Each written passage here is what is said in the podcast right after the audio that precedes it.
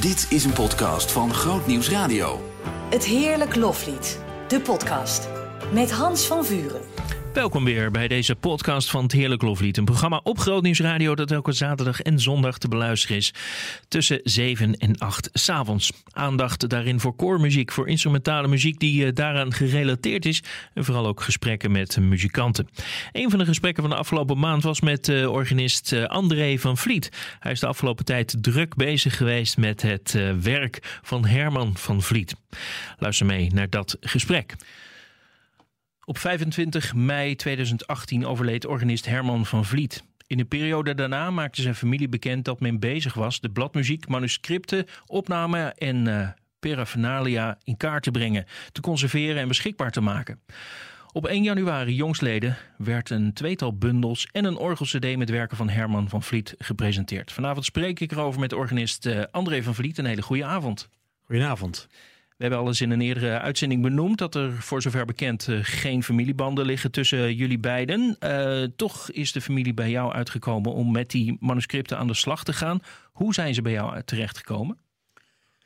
Ja, ik denk niet dat het een, een zoektocht geweest is in zo, zover dat ze een lijst hadden. Of zo zal het niet gegaan zijn. Ik ben in mijn jeugd leerling geweest. Hè, van mijn twaalfde tot mijn vijftiende, ongeveer zo'n beetje zestiende.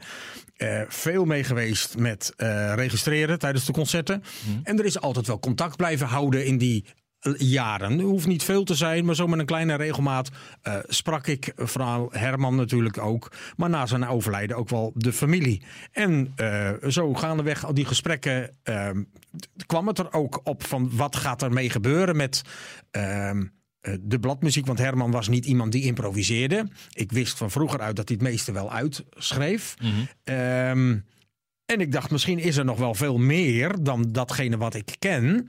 Uh, en dat zou misschien interessant kunnen zijn. Dus gaande de gesprekken is dat zo gelopen. En hebben ze mij het vertrouwen gegeven om hiermee aan de slag te gaan. Maar was het hun idee of heb je zelf er een ja, beetje ik weet niet precies of je dat zo aan kan wijzen. Ik denk dat het gaandeweg de gesprekken zo uh, uh, ontwikkeld is, denk ik. Er zullen veel orgelliefhebbers die, die, die kennen Herman van Vliet wel. Maar er zijn altijd mensen die zeggen: help me even, hoe, hoe zat het ook alweer? Uh, kun je een paar zinnen Herman van Vliet uh, schetsen? Wie, wie was hij en wat was zijn rol in het Nederlands orgellandschap? Oké. Um, je had in die tijd, was Asma natuurlijk een, Fijke Asma een hele grote organist. Je had de grote twee, uh, Asma en Piet van Egmond. Mm -hmm. En uh, toen kreeg je de generatie Willem Hendrik Zwart, Klaas-Jan Mulder, uh, Herman van Vliet. Ik zal er ongetwijfeld een aantal vergeten. En binnen die groepering verzorgde hij, had hij wel een hele belangrijke rol eigenlijk, ja. Um, ik zeg wel eens, hij was voor de, alleen de serieuze niet serieus genoeg. Waarom niet? Omdat hij ook een liefhebber was van de koraalmuziek. En dan werd je in die tijd met name voor een aantal dingen al buitengesloten. Mm. Hij was voor een aantal populaire, voor het publiek wat het populaire programma graag wilde, niet populair genoeg. Alhoewel hij natuurlijk ook een heel toegankelijk programma bracht. Hij was zo breed georiënteerd. En eh, van de grote Widor-symfonieën, waar we hem allemaal van kennen, die heeft hij natuurlijk een aantal keren in een zomer allemaal tegelijk uitgevoerd. Opgenomen ook. Het grote Franse en Duitse romantische werk. Uh, maar daarnaast schuwde hij ook het meest eenvoudige niet. Mm. En soms ook gewoon met uitstapjes als de Bolero van Ravel voor een bewerking van orgel, bij wijze van spreken. Ja. Uh, dus hij nam wel een hele bijzondere plaats in, in het landschap, ja. En waarom wilde jij les van hem hebben? Ik, ik, ik was een klein jochie. Toen ging ik, uh, ben begonnen bij Gijs Lekkerkerker. En daar heb ik drie jaar gezeten. En veel van geleerd. Geen, uh, dus het was helemaal niet zo van ik was daar klaar of zo. Maar het was denk ik thuis. Zelf wilde ik dat graag. Maar ook mijn ouders hadden ze van. Het is ook goed om na drie jaar je licht eens ergens anders op te steken. En ik, dat vind ik nog. He, ik adviseer mijn eigen leerling ook wel eens na een aantal jaren. Van joh, ga nou eens daar of daar kijken. Of, uh, dus dat. En uh, buitenom dat ik toen al een fan van hem was. Uh, uh, was het ook praktisch gezien. Hij gaf les in Oude Water en ik woonde in Benschop. Zelfs aan de Oude Waterskant. Dus het was maar vijf kilometer naar de Grote Kerk in Oude Water. Dus het had zeker ook een praktische kant. Ja, dus had Klaas-Jan Mulder bij jou in de, in de buurt gewoond... dan had je misschien bij hem uitgekomen. Dat zou kunnen. Toch waren wij thuis wel echt wel meer astma van Vlietlijn, denk ik, dan mm. Mulder. Ja. Zonder ook daar weer iets van te willen zeggen natuurlijk. Ik bedoel, een, grote, een van de grote muzici, die eh, organisten van die tijd. Ja. Uiteindelijk dan toch even naar eh, de, de praktijk van, van, van dit project. Ehm, uiteindelijk ga je aan de slag met die manuscripten, documenten en hoe ze dat allemaal ook hebben genoemd. Hoe ben je daarin te werk gegaan? Ehm, ik was heel nieuwsgierig naar de werken die wij kennen, die ik van ouds herkende. Die ik zelf mee heb geregistreerd, zelf, zeg maar. En daarna, want dat is met toen ik een jaar of 20, 22 was, natuurlijk ook weer opgehouden. En hij is wel doorgegaan, ook met schrijven. Maar vooral die werken was ik benieuwd naar. Kon ik die vinden? Waren die er allemaal? Maar ik was ook benieuwd, is er, bestaat er nu ook muziek wat we helemaal niet kennen? En? Ja, die zaten er ook in. En de mooiste dingen, die hij zelf nooit opgenomen heeft. Hij was ook zeer kritisch naar zichzelf. Dus stiekem dacht ik, heb je dit niet iets gevonden om op te nemen? Of... eh, dat, daar ben ik daar niet achter. Ik kan daar alleen maar naar gissen wat dat geweest is. Maar ja, we komen de mooiste dingen tegen. Ja. En dan noem ik zo'n grote fantasie of partita, hoe je het ook noemen wil, over Psalm 100. Ja, ik vind dat geniaal. Ik kan me niet herinneren dat hij het ooit een keer ergens gespeeld heeft. Ik heb veel navraag gedaan. Mijn familie, zoek eens in de programma's die ze allemaal bewaard hebben. Bij mensen die hem veel gevolgd hebben in die jaren dat ik hem minder volgde. Ehm, eh, eh, niemand weet iets van Psalm 100. Nee. En, en ja, ik vind het een prachtige fantasie. Is dat dan ook het mooiste wat hij uit, uit dit project voor jou nu boven is gekomen? Het mooiste wil ik niet zeggen. Eh, ik vind überhaupt vind ik dat lastig. Als jij me afvraagt wat vind je het mooiste orgel, wat vind je het lekkerste eten, ik zou het niet weten. Echt niet waar. Dat vind ik zo. Wat vind je het mooiste vakantieland? Ik heb geen idee. Op dat moment, als je daar ergens mee bezig bent, ik heb dit op mijn bord en het smaakt me goed, vind ik dat het lekkerste eten. En dat is met dit ook zo. Ja. Zo'n Psalm 100 is een fantasie van acht minuten, waarin gewoon een heleboel bijzondere technieken langskomen. Dat vind ik fabelachtig. Daarnaast staat een, een bewerking over God zij met u tot ons wederzien. Eén A4'tje. Wat die man daarmee gedaan heeft, is. Ja, voor mij is dat wonderbaarlijk. Dat is onvoorstelbaar. Speel je dat in een orgel als de Lutherse Kerk, waar we de opname gemaakt hebben. Ja, dan valt zo alles op zijn plek dat ik denk van ja, volgens mij is dit het mooiste, zeg maar. Dus ik vind het lastig om daar een antwoord op te geven. Als je die dingen aan het bestuderen bent en je gaat, zelf een beetje eh, op, op het orgel zitten proberen van hoe, hoe, klinkt dit, hoe, hoe had hij dit bedacht, heb je dan ook een beetje het gevoel van hé, hey, ik voel me weer een beetje leerling? Dat sowieso. Kijk, nog steeds torenhoog eh, tegen hem op. Ehm, eigenlijk gaat er geen week voorbij of... Ik ben ook nog in het bezit van een heleboel opnamen, live opnamen van hem. Dat er wel iets in de, op de platentafel of op de, op de cassettedek een bandje zit of zoiets van... Even kijken, hoe pakte die hij dat nou aan, zeg maar. Want dat, hij had toch altijd wel een bijzondere, een bijzondere aanpak. Qua registratie, qua muzikaliteit. Ehm, dus ja, als je dat dan op je bureau neerlegt of op de lessenaar van het orgel en je gaat aan het spelen, dan denk je wel, wat een groot vakman is dit geweest. Ja. Je, je, soms, er zei iemand tegen me, en dat kan ik denk ik wel je, je, je, je, je, je merkt aan zijn bewerkingen wat hij op dat moment aan het studeren was. Er zitten toch invloeden in. Zonder een kopie ooit te zijn van iets. Ja. Eh, eh, maar er zijn echt wel dingen waar, waar je zegt: hier, hier is hij bezig met een wat laat Frans klankidioom. Een beetje, beetje zo'n Dupré-achtige aanpak, bijvoorbeeld. Waar hij was gek van Dupré. Eh, maar soms ook een klein beetje dat, dat Duitse, die Duitse kant op. Ehm, en dat maakte hem, denk ik, een groot vakman. Hij was zo in de literatuur bezig. En misschien onderscheidde het hem dat wel. Ne- Niet zozeer van zijn collega's die. Want ik bedoel, als er een paar mensen studeren, zeker vroeger, Mulder, Willem Hendrik Zwart, dat waren mensen die altijd in de studeerkamer te vinden waren. Soms denk ik wel eens van de generatie organisten van nu. Komen wij niet te weinig in die studeerkamer? Dat merkte je wel aan. Maar bij Herman, en daar is hij uniek in, kwam dat ook tot uiting in zijn eigen koraalbewerkingen. Hè? Klaas Mulder had een heel eigen klankidioom. fantastisch. Ben ik gek van. Misschien wel meer dan twintig jaar geleden. Omdat ik zie ook welke een vakman hier spreekt. Maar dat ik nou zeg bij Klaas Mulder kan ik zien dat er inspiratie was vanuit de literatuur. Niet zozeer. Dan is het altijd zijn eigen sausje, denk ik, wat er overheen. Wat natuurlijk ook bijzonder maakt. Geen disqualificatie, zeker niet. Maar bij Herman merk je toch altijd wel, er zit ergens een link naar literatuur, vormen en dat soort dingen. Dat was bij hem erg belangrijk. Als je dat dan aan het studeren bent en je hebt het hier, wat, wat je net zegt, je kijkt torenhoog tegen Herman van Vliet op. Is er wel eens een moment dat jij ook als hele goede organist denkt, maar dit gaat me toch boven mijn pet. Dit heb ik niet in de vingers. Zeker. Ja? Ja, je zegt, heb ik niet in de vingers. dat is bij mij letterlijk zo. Die van hem, die komt gewoon echt 20 centimeter verder dan die van mij. Ja. Uh, ik heb kleine handen, dat is niet het ergste. Maar ik heb ook geen spreiding tussen mijn vingers. Dus ik kan letterlijk bepaalde dingen gewoon niet eens spelen. Mm. Dat is, uh, ik denk dat iedereen weet, er is al jaren op de markt zijn bewerking van Uze de Glorie.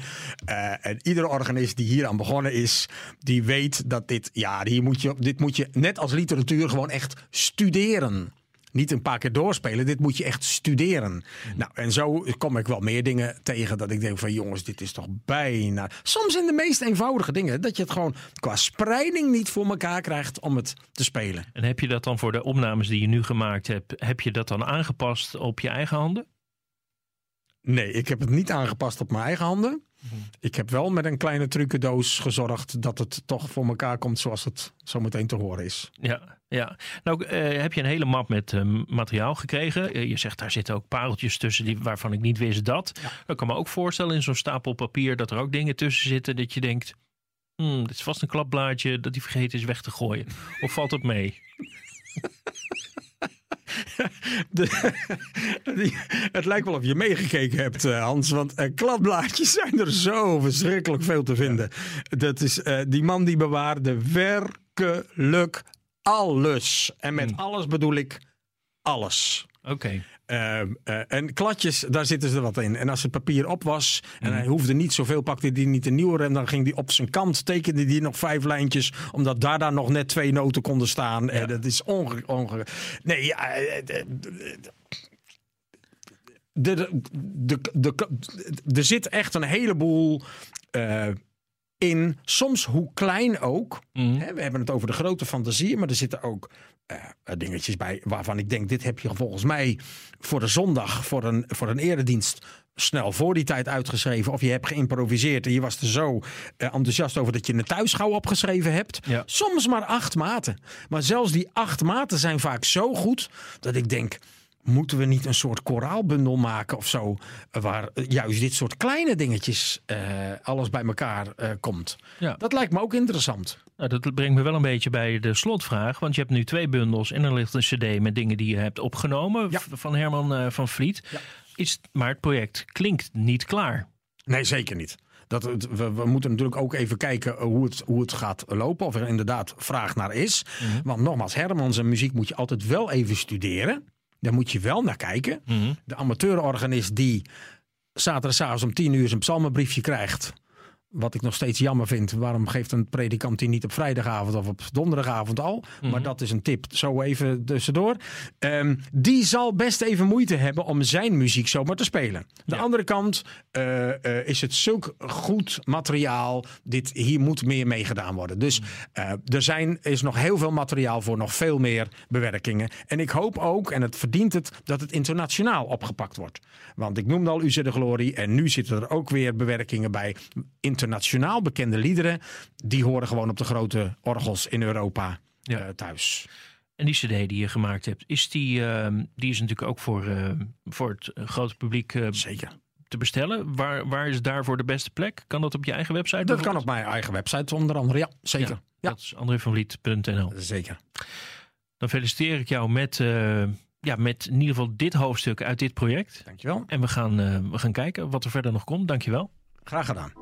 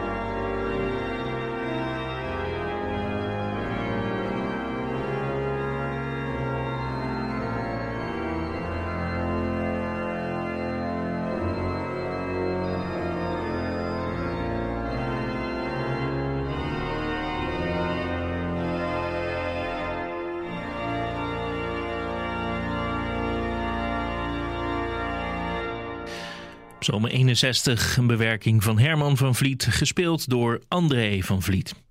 In de maand januari hadden we mooie gesprekken in Teerlijk Loflied met uh, Wouter Harbers, met Henk van der Maten, met Gerald en Henriette Bronkhorst, met Hans Dijkgraaf, Severin van Dijk en Carina Bossenbroek.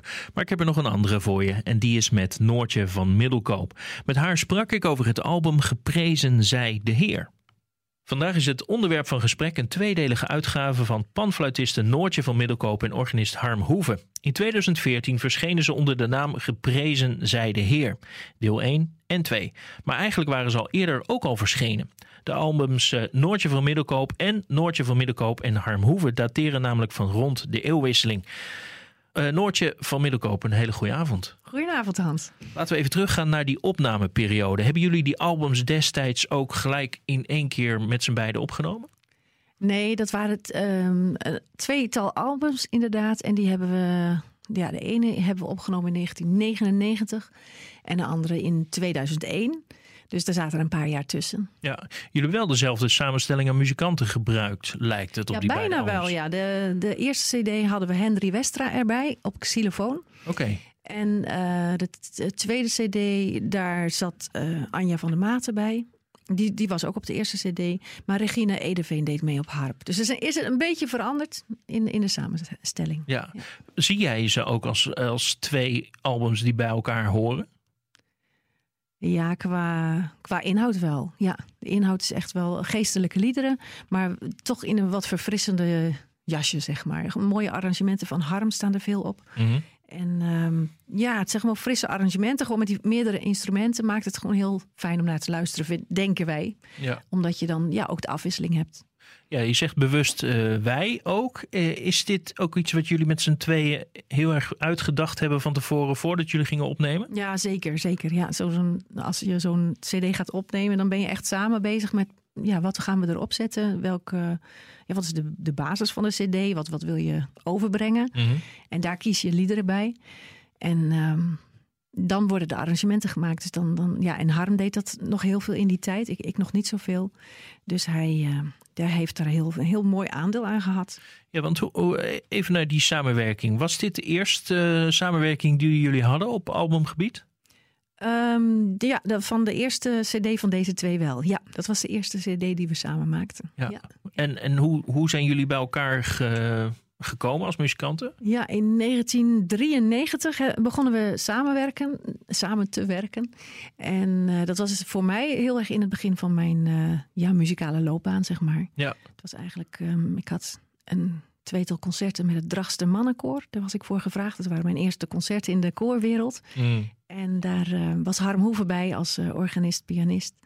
En toen vroeg hij daarna of wij samen zouden werken. Ze ook eens samen een concert gaan doen eerst. En nou, daar kwam dat na verloop van tijd ook een nieuwe cd bij. Ja. Ook omdat wij op tournees gingen naar Canada. Dat hebben we een heel aantal keren gedaan.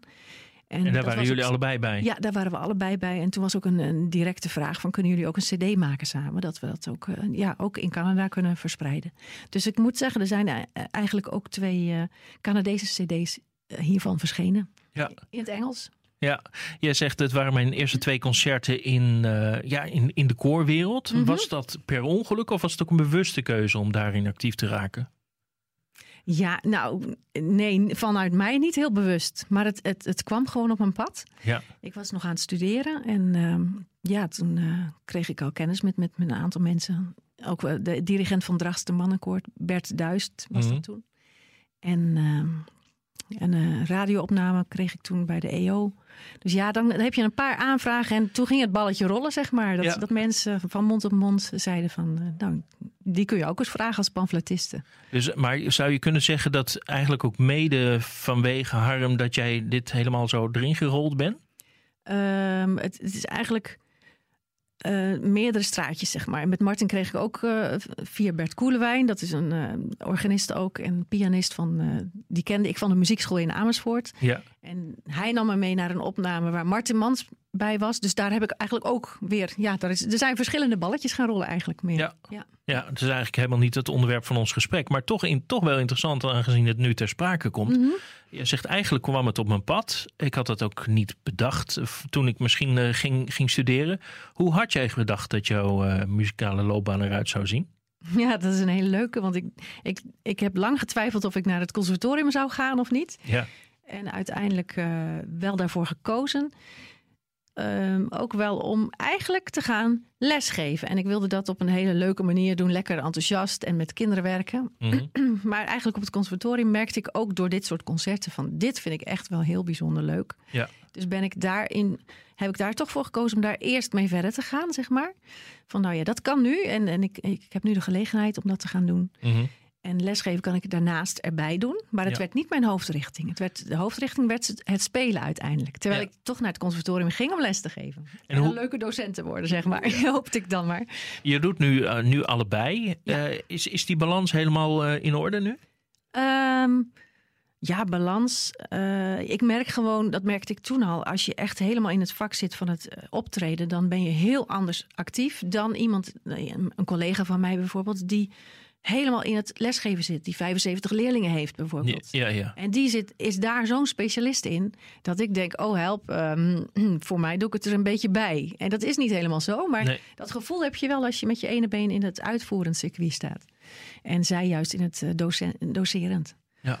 Ja. Hey, eh, even terug naar de CD. Ehm, dit was een eh, samenwerking met Harm Hoeven. Je zei al, we hebben leuk samengewerkt al het begin van de jaren negentig en vervolgens heel veel. Wat is het aan, aan jullie samenwerking die dat plezierig maakt? Dat- waarom kunnen jullie goed samenwerken? Ehm, ik denk omdat we allebei een eigen inbreng hebben. En heel duidelijk, ehm, Harm is gewoon heel eh, creatief, ook in zijn samenstelling van programma's. Dus hij daagt mij daarin uit van zoek ook eens andere muziek. Of doe eens dit, of doe eens dat. Blijf niet steeds in hetzelfde hangen. Mhm. Hij zegt dat nooit hoor, maar ik, ik merk dat in dingen die hij aandraagt. Zo van kijk hier eens, kijk daar eens. Doe de, en dus daar daagt, daagt hij mij in uit. Ja. En ehm, ja, het, het loopt gewoon, als wij samen spelen, loopt het gewoon heerlijk. Het is eh, gewoon heel. Ehm, ja, het loopt lekker, maar tegelijk zijn we ook wel kritisch van hé, hey, maar het kan nog beter. Dus we het nog anders doen. Mm. En dat, dat is duidelijk iets met de samenwerking met Harm en mij. Ja, Ja. Ik heb verschillende collega's en met, met iedereen heb je weer andere soorten dynamieken. Zoals je dat denk ik in het dagelijks leven ook hebt. Mhm. Maar met Harm is het vooral het, elkaar uitdaging op, op niveau. Kom op en eh, dit kan nog beter en dat zullen we het nog een keer doen. Is het ook altijd een feestje of is het ook werken soms? Eh, beide, ja. Beide. Het is meestal, eh, het over, overheerst dat het een feest is, ja. Ja. ja. heerlijk, ja. Hey, nou zat ik even naar die tweede CD te kijken. Die eerste heb ik eigenlijk wat minder bestudeerd. Maar die tweede is opgenomen in de Grote Kerk in eh, Hasselt. Hasselt, ja. Ehm, en ik hoor veel mensen over die kerk enthousiast te doen. Wat is het nou aan die kerk dat iedereen daar altijd wil opnemen? Ehm, zijn verschillende redenen waar, waarom je een, een locatie zoekt of waarop je een locatie zoekt. Ja. Eigenlijk dat je een, een, je wilt ook een rustige locatie, niet met trams en eh, toeterende auto's, zeg maar. Ja. Ehm, dus daar, dat speelt mee in Hasselt. Maar het, het grootste is eigenlijk het orgel daar. Dus alle orgel-cd's in Hasselt zijn opgenomen, ook zeker vanwege het orgel. Mm. Ja, en de ruimte is natuurlijk prachtig. Een prachtige ruimte. Ook voor de pamfluit is het heerlijk spelen. Je hebt het echt, het, het wordt gewoon eh, versterkt door de, door de klank van de kerk. Heel Ja. mooie ruimte. Akoestiek is prachtig. Maar het orgel heeft hele mooie registers, heel warm. En dat past weer goed bij de panfluit. En dan, ja, je hebt ook wel orgels die zijn wat scherper. En dan heb je juist met de panfluit, dan, dan wringt het soms wat. Want dan wordt het niet plezierig luisteren. Nee, dat, dan kan het, heb je wel de, de goede organisten weten daaromheen te spelen hoor. Die pakken andere registers dan. Mhm. Maar je moet, wel, eh, je moet wel weten wat je doet met een pamfluitist. eh, Ja. Hoe je begeleidt, zeg maar. Is er een perfecte panfluitkerk waar je kan opnemen? Nou, misschien is dat Hasselt wel. Het is wel een erg mooie. Ja, het, het nadeel in Hasselt is wel, je staat wat ver van elkaar.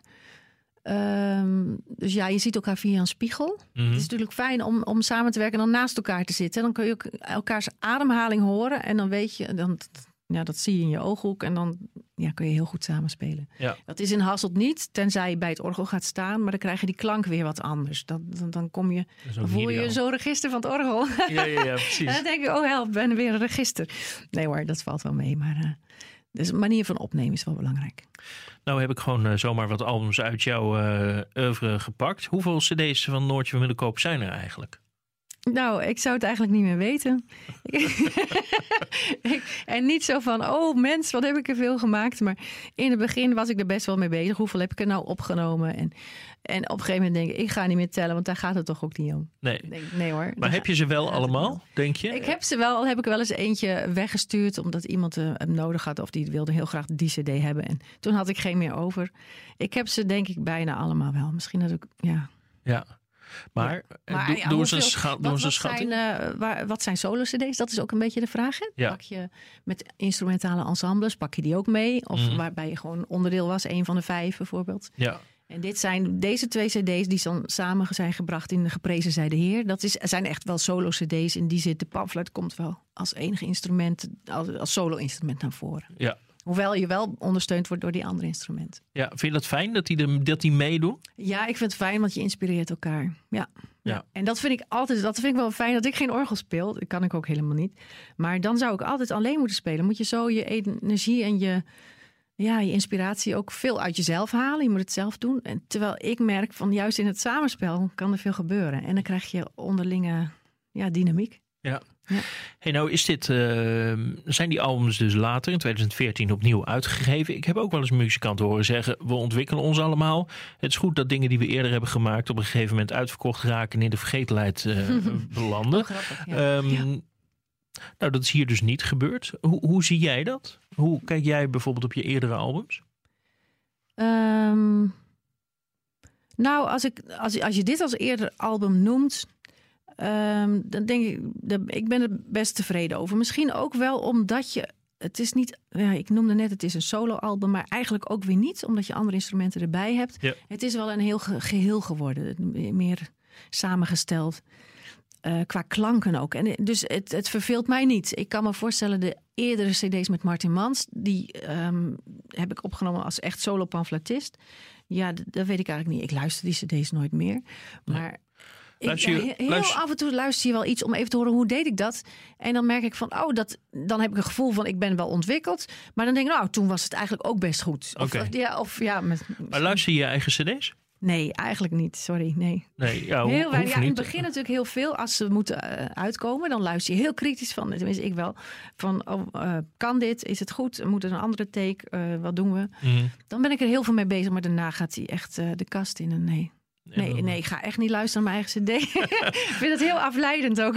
Ja, dat, alleen, nee, dat kan ik niet. alleen nee. als het moet. En dan ben ik weer meer mijn. Op, dan ben ik wel weer de docent. Want dan zit ik weer te luisteren. Oh, het is niet helemaal zuiver. Hm. Eh, nou, die- inzet was niet gelijk. Weet je, dus dan ben ik opeens de docent. Dan ben je weer kritisch. Ja. Dus nee, ja, nee. En nou lijkt het me mooi om eh, toch eh, dit gesprek af te sluiten met, met een lied van dit album. Ehm, Mhm. Heb je voorkeur? Ehm, ik keek er net even doorheen. Ik denk, Vloed Voluntary, dank, dank nu alle God, vind ik heel mooi. Ook eh, het lied vind ik mooi, maar ook, eh, we hadden dit, eh, ja, we hadden bedacht, er bestaan zoveel trumpet voluntaries, hè, in eh, Handel, Purcell, Mhm. ehm, in de klassieke muziek. Maar er is eigenlijk nooit een flute vo- voluntary geschreven. Het is wel- maar een feestelijk muziekstuk, maar dan voor fluiten. En in dit muziekstuk hoor je, als je dat album, eh, op het album luistert, hoor je ook twee panfluiten. Want ik heb hem ingedubt later. Ik heb een andere stem eronder ingespeeld. Mhm. Dus twee panfluiten onder elkaar. En ehm, ja, ik vind het zelf heel feestelijk geworden, dit eh, arrangement. Dan gaan we die er, erbij pakken. Ehm, te vinden dus op eh, oorspronkelijk de CD Noortje van Middelkoop en Harmhoeven. Later opnieuw uitgegeven onder de naam Geprezen zij de Heer. En dit is dan deel 2. Noortje van Middelkoop, dankjewel. Ja, graag gedaan, Hans.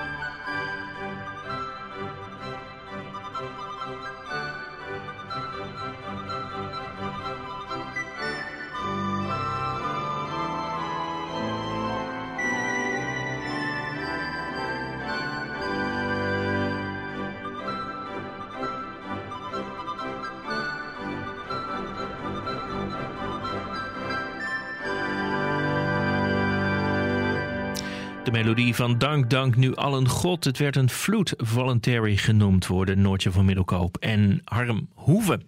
En natuurlijk aan het eind van deze podcast een muziekstandaard. De rubriek waarin eh, muzikanten zelf muziek meenemen en zelf ook een toelichting geven.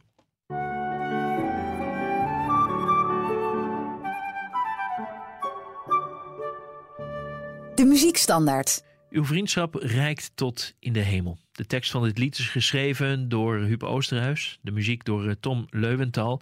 En vanavond ga ik erover in gesprek met uh, eveneens componist Dirk Zwart. Uh, Dirk, goedenavond. Dag Hans. Uh, dit lied is vanavond door jou aangereikt. Uw vriendschap reikt tot in de hemel. Nou heb je zelf ook regelmatig composities gemaakt op teksten van Huub Oosterhuis. Nu even een andere compositie. Waarom spreekt jou dit aan? Ik vind het een prachtig lied. En als je het gehoord hebt, dan kun je het bijna niet anders dan met me eens zijn. Maar ik vind het ook heel erg leuk om uh, die Tom Leuwentaal, de componist van dit lied, om die eens even met nadruk naar voren te brengen. Ik raakte op het conservatorium uh, in contact met een jongen en die zat helemaal in die muziek van, van, uh, van, vanuit Roomse hoek. Ja, dat klinkt een beetje raar in, in, dit geval, want we hebben het over de studentengemeente, de basisgemeente. Huub Oosthuis is in de zestiger jaren begonnen met, met dichten. Is op een gegeven moment uit de katholieke kerk gestapt. En je hebt toen gaandeweg gekregen wat wij noemen de basisbeweging. Gemeentes vaak van studenten met een nieuw soort geloofsbeleving en ook een nieuw soort uh, muziekcultuur. En je moet dan denken aan componisten die we inmiddels ook wel in protestantse kring kennen, onder andere uit het nieuwe liedboek, als uh, Bernard Huibers en Anton Omen en Tom Leuwentaal. Mm -hmm. En er werd dus uh, gecomponeerd in een hele, hele andere liturgische setting. Ook vaak niet met orgel, maar met piano en instrumenten. Bernard Huibers was echt een muzikale vernieuwer in dat opzicht. Um, maar uh, om kort te gaan, daar is dus eigenlijk een hele, een hele uh, muziekcultuur um, uh, ontstaan rond voornamelijk die teksten van Huub Oosterhuis. En dit is daar een exponent van. Dit, dit specifieke lied komt uit een, een cyclus liederen die gaan over sterven en levenseinde. En die uh, tekst heeft daar ook betrekking op. En ja, de, in, in de Bijbel, met de Bijbel vertrouwd zijn de luisteraar, die, die merkt wellicht hoe dicht dit allemaal bij de Bijbel ligt. Die tekst die luidt, uw vriendschap reikt tot in de hemel. Uw trouw tot aan het firmament. Daarom zoeken wij onze toevlucht in de schaduw van uw vleugels. Laaf ons aan de stromen van uw paradijs. En ja, de muziek die, die geeft daar uh, uitdrukking aan op, op zo'n zo'n prachtige, mm-hmm. uh, blije manier. Dat, ja, dat vind ik geweldig. Ook, ook hoe dat muzikaal gestalte krijgt. Ja. Dus de titel Uw vriendschap reikt tot in de hemel is niet alleen, het is een hele grote vriendschap. Uh, maar tot in de hemel ook, ook de overbrugging naar het hiernamaals. Precies, die, die, die dubbele betekenis zit er heel, uh, die haal je er heel goed uit. Ja, ja. zeker. Ja. En dan, nou ja, begrijp ik nou dat jij met deze Tom uh, gestudeerd hebt? Nee, dat niet. Met een, met een andere jongen. Nee, ja? met Tom Leumtaal heb ik niet gestudeerd. Um, maar um, ik maar die... heb met, die, met zijn muziek kennis gemaakt. Okay. Door, door die studievriend van me. Ja, oké. Okay. En dat was... Um, ja, dat was, dat was ook iets nieuws, een nieuwe, een nieuwe stroming. Heb je, heb je daar moeten wennen?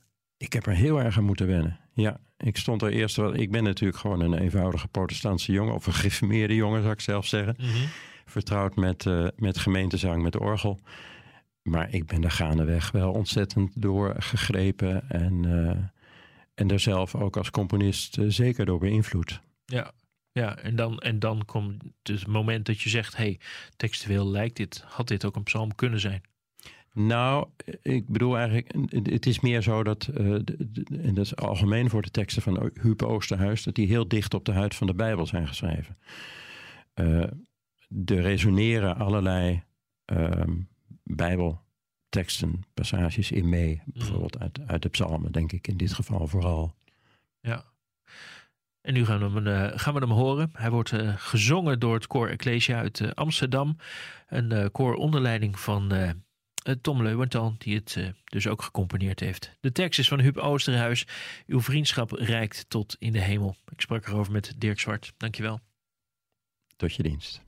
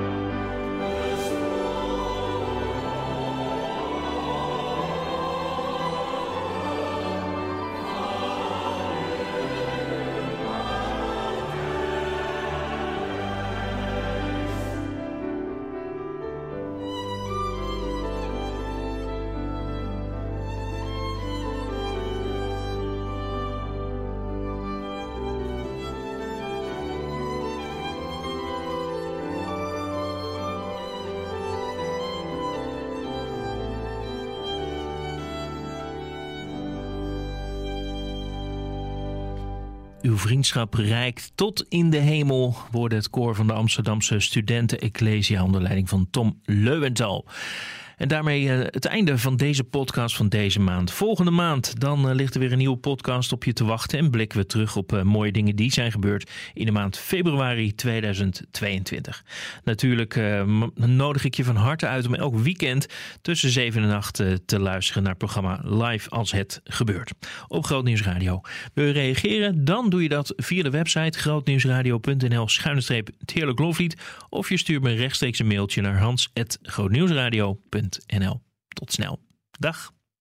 Zien in nog een podcast? Ga naar grootnieuwsradio.nl slash podcast.